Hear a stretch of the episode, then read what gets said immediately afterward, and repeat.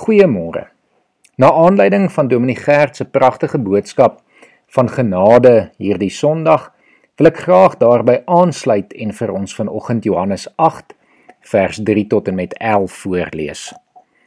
Die skrifgeleerdes en die fariseërs bring toe 'n vrou wat op oorspel betrap is en laat haar in die middel van die kring mense staan.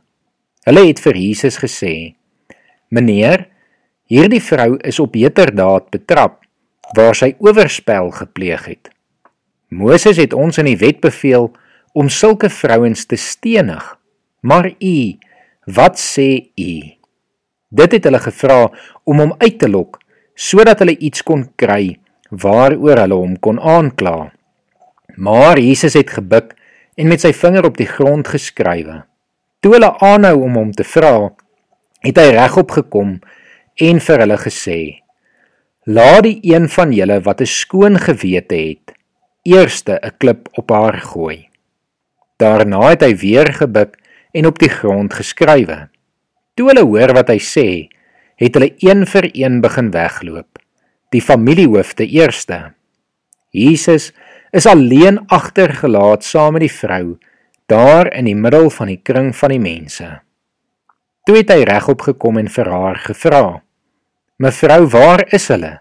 Het nie een van hulle die oordeel oor jou voltrek nie?" "Niemand nie, Here," sê sy. Toe sê Jesus: "Ek doen dit ook nie. Gaan maar en moet van nou af nie meer sonde doen nie." 'n Vrou word op heterdaad betrap terwyl sy egbreek gepleeg het. 'n Mens wonder wat sou gebeur het indien sy nie teen haar wil voor Jesus gebring is nie. Sou sy dalk net kon wegglip en aangaan met haar lewe met skuldgevoel en verwerping van die gemeenskap, vasgevang in 'n web van sonde sonder enige hoop om vry te raak. Mens wonder, wat was haar storie? Wat het met haar gebeur? Dit kon tog nie maar net gebeur het nie.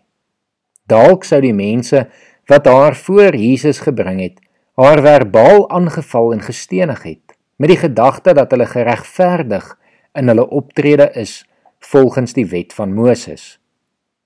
Maar toe ontmoet sy vir Jesus. Hy buig af en hy skryf in die sand. Hy sien die motief in elkeen wat teenwoordig is se hart.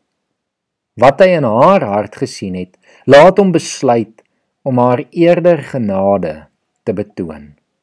Sy het die dood in die gesig gestaar en daar 'n ontmoeting met Jesus gehad en die lewe gevind. Indien jy voel dat jy geen hoop het nie en dat jy vasgekeer is met jou rug teen die muur, kyk na Jesus. Hy is die enigste weg, die waarheid en die lewe. Volg hom. Kom ons bid saam. Here, dankie dat u genade keer op keer vir ons bewys word. Here, dankie dat u genade vir ons genoeg is.